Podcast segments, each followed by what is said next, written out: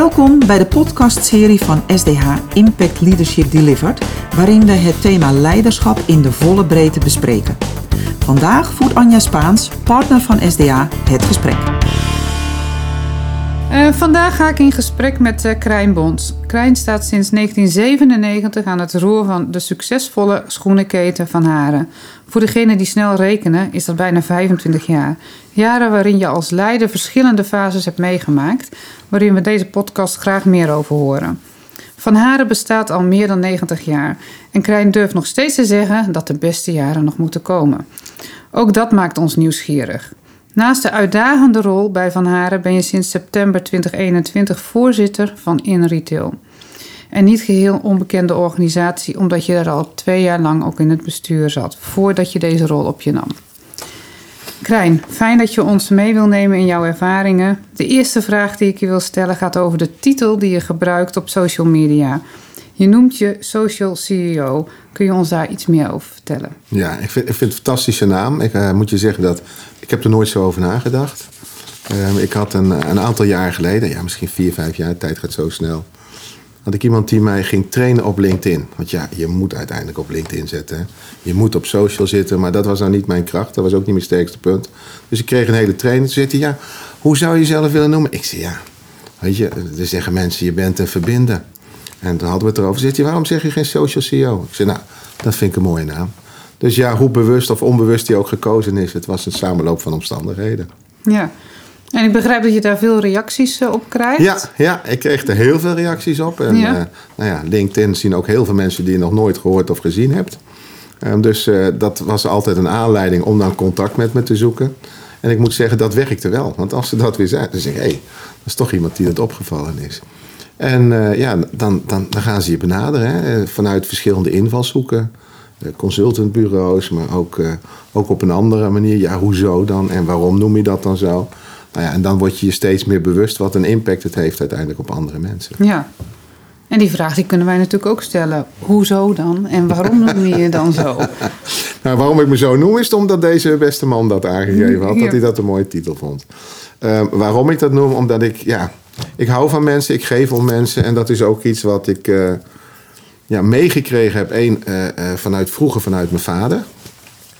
Dat was ook iemand die, hij kende iedereen en iedereen kende hem. En hij was ook iemand die, ja, die vaak gevraagd werd om, om raad en daad.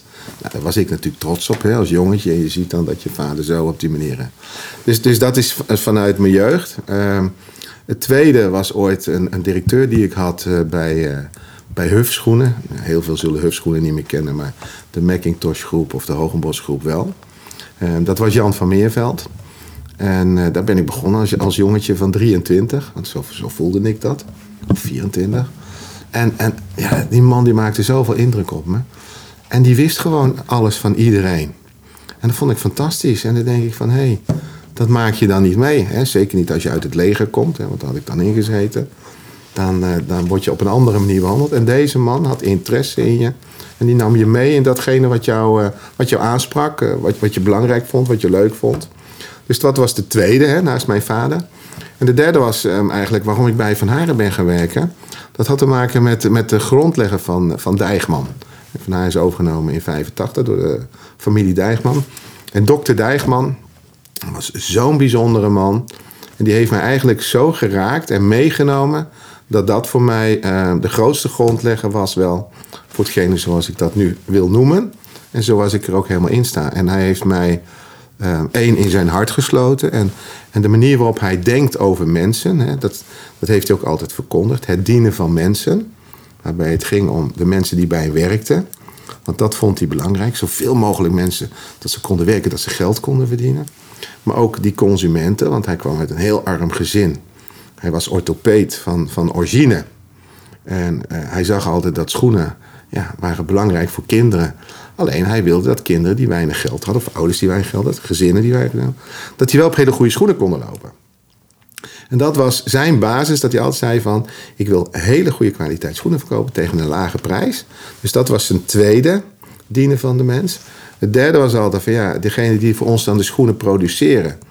ja, dat moeten dan fabrieken zijn waar iedereen graag zijn schoenen wil kopen. Dat ontstond dan doordat wij een code of conduct, heet dat tegenwoordig mooi, maar dat wij de leveranciers heel zorgvuldig uitzochten dat hij op een goede manier eh, met de mensen omging die voor ze werkten in die fabrieken, dat de goede producten er waren. Nou, op al die dingen werd, werd heel veel nadruk gelegd. En hij kwam met het produceren van schoenen toen in aanraking bij in, in India.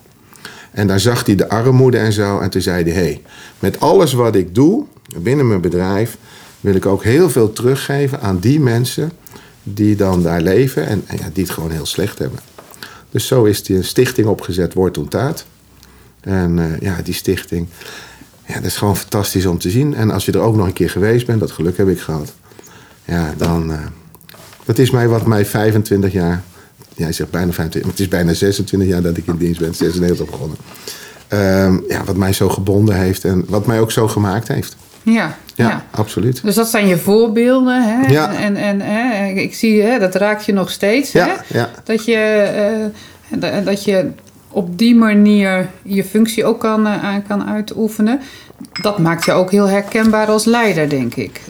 Ja, ja dat denk ik wel. Want uh, mensen, en ik ben echt niet de makkelijkste, want ik, ik word regelmatig gespiegeld, werd ook veel gespiegeld. Dus dat doet ook pijn, hè? want je denkt allemaal dat je het heel goed doet. Hè? Iedereen vindt van zichzelf als leider, ja, ik ben de beste manager en ik doe het voor mensen en dat. Maar als je dan terugkrijgt dat het ook wel eens anders is, ja, dat doet je dan zeer. En, en, en aan de andere kant denk je, ja, maar dat wil ik niet. Dus hoe ga ik dat dan oppakken? Dus je bent ook heel kritisch naar jezelf in de zin van, maar hoe zien andere mensen je? En wat ik dan altijd mooi vind, dat mensen altijd alles tegen me zeggen. En dan denk ik, nou, dan geeft het in ieder geval die ruimte dat ze het tegen je zeggen. En dat betekent dat ik er weer wat mee kan doen. Mm-hmm. Maar wat ik ook altijd gezegd heb, van ja, prima dat je dat vindt. Alleen zo ben ik. Daar ga ik niet iets mee doen. En dat denk ik van, hé, hey, dat vind ik heel vervelend. Zo wil ik niet dat, hè, dat ik bij mensen uh, overkom of dat ik mensen raak op de verkeerde manier. En daar ga ik er wel wat mee doen. Dus ik blijf wel heel dicht bij mezelf, wat dat okay. betreft. En dat spiegelen doe je ook naar de mensen toe. Ze doen het naar jou en jij doet het ook weer naar de mensen ja, toe. Ja, ja, ja. Het is dat een, is jouw uh, stijl. Ja. ja, dus ik houd mensen voor. En niet als een verwijt, maar gewoon van, goh, zo kijk ik ernaar. En dat, zo doe ik dat ook met mijn kinderen. Ja. Ja, want ja, de meeste mensen die proberen van de kinderen dan een soort, soort schoolvoorbeeld te maken. En ik denk altijd, nee, kinderen moet je zo opvoeden waar ze zelf blij van worden. En niet waar ik blij van werd, omdat ik dat misschien vroeger gemist heb. Hè? Of dat ik dat wilde worden, of weet ik het. Hè? Of die, die ouders die dan aan de lijn staan op het voetbalveld. En dan die kinderen helemaal uh, voor van alles uitmaken. En denk ik, hé, hey, wacht even. Dit is jouw eigen frustratie die je uit naar je kinderen. En dat vind ik, ook in een bedrijf is dat eigenlijk net zo belangrijk. Dus voor mij is, is privé en zakelijk zit heel dicht tegen elkaar aan. Ja, dus, dus als mensen zeggen, ja, maar privé en zakelijk, hoe hou je dat gescheiden? Ja, dat is bij mij niet gescheiden. Dat, dat loopt heel erg in elkaar over. Ja. Dus ik ben gewoon wie ik ben. Ja, dat is heerlijk om ja. dat te zijn, toch? Ja, ik hoef ook nooit na te denken nee, nee. over wat ik gezegd heb of zo. Of nee. uh, een dubbele agenda. Dat vind ik vervelend. En als ze tegen me zeggen, ja, maar dat heb je wel gezegd. Dan denk ik altijd maar van, hm, ja, ik zou het gezegd kunnen hebben. En als jij zegt dat ik dat gezegd heb, ik weet het niet meer, dan gaan we dat wel zo doen. Mm-hmm. Maar ik weet ook wanneer ik het absoluut niet gezegd kan hebben. Dan zeg ik, nou, dat kan gewoon niet. Dat is onmogelijk, dat is uitgesloten. Want dat past dan niet bij me. Dus ik kan dat niet gezegd hebben. Niet voor de goede orde, of weet ik veel, om het een zoethoudertje of zo. Dus ja, dat is wel. Um, zoals ik mezelf dan een beetje vertel hoe ik, hoe ik denk dat ik ben. Ja. Maar ook hoe ik het terugkrijg. Ja, en, en, en ben je dat ge altijd geweest of is dat aangepast in de jaren? Want Ja. leiderschap verandert natuurlijk. Ja, natuurlijk. Jij verandert, de wereld verandert. Alles verandert. Ik, weet je, ik, de evolutie van mensen hè, in, in die tijd dat ze leven, dat verandert constant. Mhm. Ehm, en ja, waar, hangt dat vanaf? Ja, één, waar ben je opgegroeid? Hè? Ik ben als schoffie opgegroeid, zo, zo, zo simpel is dat. Een schoffie in Utrecht. Dus mijn ouders die schaamden zich voor mij met eh, dat platte Utrechts. Herman Bekien en eh, die was daar heel bekend om. Hè? En Tineke Schouten. Nou, zij, zij doet het als act, maar zo sprak ik dus echt, hè? Toen ik een jaar of tien was. Dus mijn ouders durfden mij niet mee te nemen, want ja, dan denk je, ja, ik schaam me helemaal rot voor mijn zoon. En dan was ik ook nog zo'n jongen die overal opklom en eh, regelmatig naar huis gebracht werd. Want dat was toch niet de bedoeling. Ja, en als je dat dan vergelijkt met nu, ja, dan is dat een wereld van verschil. En dan denk je, ja, je leven heeft je gemaakt. Maar ik ben wel heel blij dat ik daar opgegroeid ben. Want daar moest ik voor mezelf opkomen, hè, in een achterbuurt in Utrecht, toen de tijd. En daar eh, ging het om de kerstbomengevecht, hè, wie de meeste kerstbomen haalde. Hè. Dus uh, ja, dan moest je niet het kaas van je brood laten eten. Dus, dus dat heeft je gemaakt. Alleen uh, de zachte kant is altijd dat ik denk van... hé, hey, je moet de mensen wel respecteren om wie ze zijn... en, en, en waar mensen, wat mensen fijn vinden. En dat, dat probeer ik wel altijd te zoeken... En als ik daar een bijdrage kan leveren, dan zal ik dat doen. Als ik dat niet ga, dan doe ik dat niet. Ik ben niet om de mensen te pleasen. dus ik ga niet mezelf tekort doen omdat ik vind dat ik een ander moet pleasen. Want dan zeg ik gewoon, ja, jammer joh, maar dat past niet bij me. Dat ga ik ook niet doen. Ja. Dat doe ik zakelijk en dat doe ik privé. Dus dat loopt wel door elkaar heen. Mhm. En dan zeg je, ik begon er al mee, ook eh, in dit interview, van de beste jaren moeten nog komen. En als ik dan, je begint bij je jeugd en je hebt het over nu. En die 26 jaar bijna als, als leider van zo'n succesvolle keten. Ja. Wat zijn dan de beste jaren die nog moeten komen? Daar word ik wel nieuwsgierig. Nou ja, ik heb er nu een aantal jaar op zitten, meer dan 60 zoals dat heet. Waarvan ik er 55 mij heel bewust ben. En dan denk ik, nou, ik heb zoveel meegemaakt, zoveel goede jaren. En er zijn nooit echt slechte jaren geweest. Ja, goed, het verlies van je ouders is dan een slecht jaar. En dan denk ik van, nou, als je dat allemaal meegemaakt hebt, dan komen de goede jaren nog. Oké. Dus, dus daar is het op gebaseerd. Mhm. Dus ik, ik, ik blijf altijd in die flow dan uh, meegaan. Ja. Terwijl er ook heel veel tegenslagen geweest zijn hoor. Ik bedoel, uh, zowel op persoonlijk vlak als uh, met, met je ouders en zo. Dus nee, mhm. het is niet dat het allemaal roze geur maanschijn is. Maar goed, ja. dat, dat hoort ook bij het leven. Zeker, zeker. En, en zijn er ook dingen dat je zegt van nou in die jaren hè, waar we het over hebben, waar je, die je kunt benoemen als voorbeeld, waar je heel trots op bent, waar je heel, met heel veel trots op terugkijkt? Van de afgelopen tijd? Nou, ik denk um, één, de mensen, die mensen die bij ons werken, hè, dat, die, dat die in dezelfde flow zitten, een aantal, en niet, niet iedereen. Die dus ook zo denken van hoe kan ik iets teruggeven aan maatschappij, aan mensen hè, aan, aan, aan, waarvoor ik hier uiteindelijk ben. Mhm. Dus dat zie je gebeuren. nou, jij kent Anita van Doren ook. Hè? Nou, dat was zo iemand ook die dat ook heeft. En Arthur. Nou, er zijn een aantal mensen die al heel lang bij ons werken, die dat ook hebben. Nou, dus dat vind ik heel mooi. Mhm. Ehm, wat ik heel mooi vind is, is dat het een bedrijf is waar ja, men zich realiseert van waarom ben ik nou hier? En waarvoor doe ik het nou allemaal? Niet voor, voor mezelf, maar hè, ook voor mijn, mijn collega's, degenen die leiding geven. Um, of dat zo blijft, ja, dat weet ik niet. Hè. Ik bedoel, de wereld verandert heel erg. Um, en, en dat vind ik wel een hele lastige. Wat vind je daar lastig aan? Nou, ik vind uh, met generaties. Hè, we mm -hmm. hebben binnen ons bedrijf vier generaties werken. Um, zo? Hm? Ja. Ja. Ja, degene, de, de babyboomers, waar ik er dan, nou ja, ik zat aan het eind van de babyboomers, maar goed. er zijn wel mensen die van die leeftijd bij ons werken. Eh, tot degene die, die net van school komen. En, en, en die vier generaties, ja, dat, dat vind ik, uh, daar zitten enorme uh, verschillen in. En hoe ga je dat uh, samenvoegen? En hoe ga je de jeugd laten snappen van, joh, maar degene die daar de professional is, die denkt misschien niet zoals jij, maar die heeft heel veel mooie en goede dingen waar jij van kan leren. En de ouderen die zeggen ja, loyaliteit en inzet en flexen, dat is er allemaal niet meer. Hè? Het is een me, myself en I uh, moment mhm. geworden. Dus, dus die, die zetten zich daar weer tegenaf. Nou, om, om daar dan die, die mensen bij elkaar te hebben. En dat zie je in het bedrijf. En dat kan heel goed samengaan. Maar Wat doe je, je daaraan dan om dat bij elkaar te brengen? Nou, door er ook zo over te praten. Van, okay. goh, kijk nou eens van wat je ervan kan leren of wat je mee kan nemen. En je moet het niet doen. Ik bedoel, geeft alleen aan, het is een tip en je wordt er een mooier en beter mens van. Dus op die manier dan, dan probeer ik dat wel, ja. Mhm. Of proberen, zo ben ik dan, zo zeg ik dat. Ja. En ik denk dat uh, dat, en ehm, dat hoor je ook vaak. Ik ben de laatste twee jaar minder in die winkels geweest.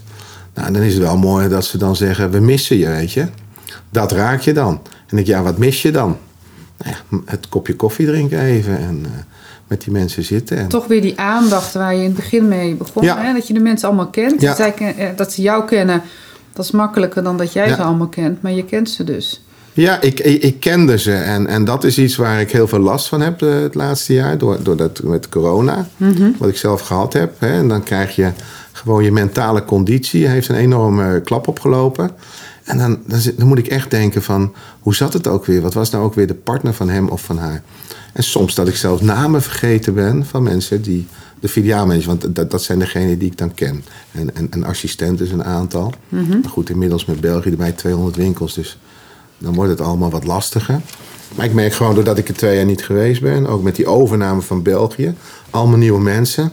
Die heb ik niet allemaal meegekregen. Ja, op een scherm eh, met, met een, digitale eh, onboarding of zo. Maar ja, dan, dan ken je ze niet. Hè? Dan is die afstand te ver. Dan zit je met z'n 50, 60.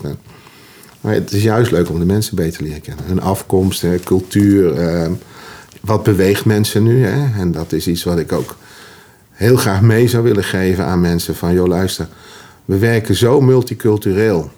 En, en, en het is, er is zo'n ja, polarisatie aan de gang van over al die culturen. Probeer mensen nou eens wat beter te begrijpen wat, wat hun afkomst is. Hè? Of het nou een niet-westerse afkomst is of, of hè, met, met een moslimachtergrond. En als je daarop inleeft, dan snap je ook veel meer waarom mensen zo denken en zo doen. En dan kan je wel zeggen, ja, maar dat keur ik af. Ja, maar goed, dat is jouw persoonlijke mening dat je dat afkeurt. Als die mensen dat uitleggen, dan snap je dat ook veel meer. dat was ook in het begin, toen ik kwam, want dat is wel heel leuk, hadden wij 20% eh, vrouwen, 80% mannen. En nu hebben we geloof ik iets van 90% vrouwen en 10% mannen. Weet je?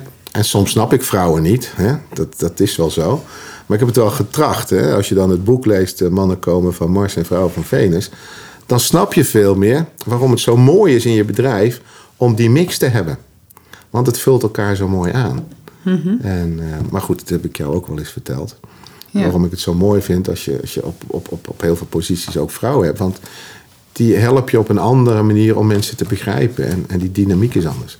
Je moet niet allemaal vrouwen bij elkaar hebben, want dat is ook een drama. dat, eh, ze zeggen als mannen hebben dat haantjesgedrag. Maar vrouwen die gaan constant met elkaar in de clinch. Dus dat is ook niet zo fijn.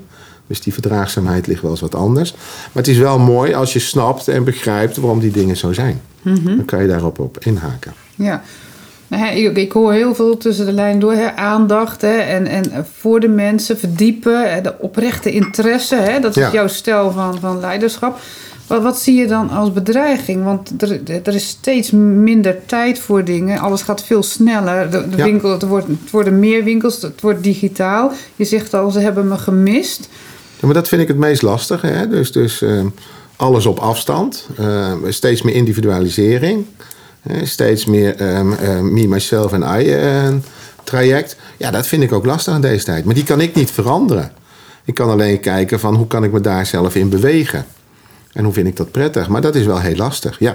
Maar goed, daar zitten dan ook bijna drie generaties tussen voor mij. Hè? Dus, dus die hele evolutie van die generaties, ja, dat brengt zich met zich mee. En als ik dan met mijn kinderen, nou die zijn dan inmiddels 26, 29, dus die zitten ook nog niet meer in de jongste generatie of de laatste generatie. En als je dat ziet met eh, die, die, de alfa noemen ze dat tegenwoordig, geloof ik.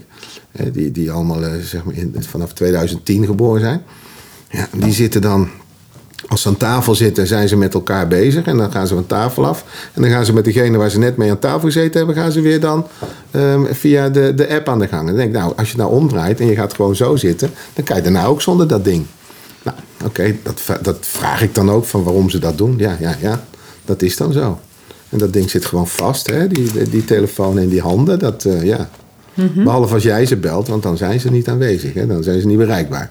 Maar voor de rest gaat het ding constant af.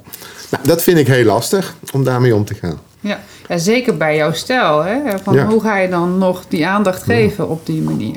Ja. Ja. ja. ja. dat is ook heel lastig. Ja. En, en zijn dat dan, uh, geef je daarin dan eh, adviezen ook naar, je leiding, naar je, de mensen die leiding geven in je organisatie? Van, goh, eh, denk mee, laten we het over brainstormen, hoe gaan we dat hmm. aanpakken? Nee, want het is een verandering die, die, die gaande is. En daar kan ik wel zeggen van, waarom, waarom moet ik dat veranderen? Weet je, als zij zich daar prettig mee vinden. En ik, ik spiegel alleen. Dus ik van, nou, ik vind het niet fijn. Maar goed, weet je, als jij het wel fijn vindt en je krijgt voor elkaar hè, wat onze bedrijfswaarden zijn, om, om die vast te houden, ja, dan is dat prima. En samenwerken nu is, is totaal anders samenwerken dan 15 of zelfs 25 jaar geleden. Ja. Men, men, als je aan, aan, aan verschillende generaties vraagt wat zij verstaan onder samenwerken, dan krijg je vier totaal andere antwoorden. Mhm. En dat is wat je nu ook ziet. Hè? En ook bij in retail zijn we daar heel erg mee bezig. Hè? Want je, raakt, ja, je raakte dat net even aan. Ja, hoe ga je nou zorgen dat, dat, dat, dat men met elkaar samenwerkt? want als iedereen zijn eigen ding blijft doen, ja. De, de kracht is gewoon het grote geheel. En dan moppert iedereen allemaal over. Ja, en die, die platforms die nemen alles over. En dan zeg ik, ja, maar zorg dan dat je die samenwerking aangaat. Maar ja, dat, dat schijnt moeilijk te zijn. Dus niet alleen in, in, in uh, het zakelijke is samenwerken lastig. Maar gewoon ook privé is samenwerken lastig. Of samen zijn. Wanneer, wanneer zijn mensen nog samen? Nou, dat wordt steeds... Uh, terwijl we wel met, met elkaar zeggen, ja, privé... Hè, uh, moeten we meer tijd aan besteden. Dus mijn privé is belangrijker dan mijn werk. Of die balans vinden. En aan de andere kant hebben ze die balans niet, ook niet privé. Want dan gaan ze ook allemaal hun eigen ding en zitten ze achter hun scherm te, van alles te doen. Dus ja, ik vind dat wel een. Uh, voor mezelf vind ik dat een lastige om daarmee om te gaan. Ja, ja. En wat, wat, hè, het is lastig, maar wat zoek je dan op? Of zoek je mensen op? Hoe ga je dat uh, voor jezelf helder maken? Ja, je, je zal moeten accepteren dat zo is. Ik bedoel, ik, hè, eh, ze zeggen altijd, als je iets wil veranderen, dan zou je toch bij jezelf moeten beginnen. Iedereen wil altijd de wereld veranderen. En ik zeg al, begin bij jezelf. Ja goed, ik zal daar eh, mee moeten dealen. Ja, of, of daar geen onderdeel van uitmaken. Nou ja, dat doe ik dan ook. Hè. Dus dan zeggen we tegen mijn kinderen, als we dan samen zijn, ja, dan zijn we ook samen. En dan gaan we dat niet op die manier doen. Ja. Nou, en dat is lastig. Ja. En dan is dat misschien minder tijd, maar goed, dan is wel de tijd zoals ik dat fijn vind. Mhm. En niet dat iedereen uh, achter zijn apparaat zit of uh, met zijn apparaat in zijn hand. Ja, maar dan had je voorbeelden hè, in het begin van je carrière uh, van, van, van leiders, van mensen, je vader, waar je veel van geleerd hebt. Heb je die nu nog steeds? Dat je zegt, nou dat is nog een voorbeeld in deze tijd waar ik naar kijk als het gaat over leiderschap of over. Goh. Nou, daar heb ik helemaal niet zo over nagedacht. Het is niet dat ik zeg van, uh, dat zijn fantastische voorbeelden. Nee, nee. Dus die leiders en, en, en, en je, zoals je vader, die heb je gevormd in de, in de beginjaren wat je nu bent. Ben, ja. en, en verder heb je dat zelf ontwikkeld. Ja, nou ja, ontwikkeld weet ik niet. Dat is gewoon zo ontstaan. Hè.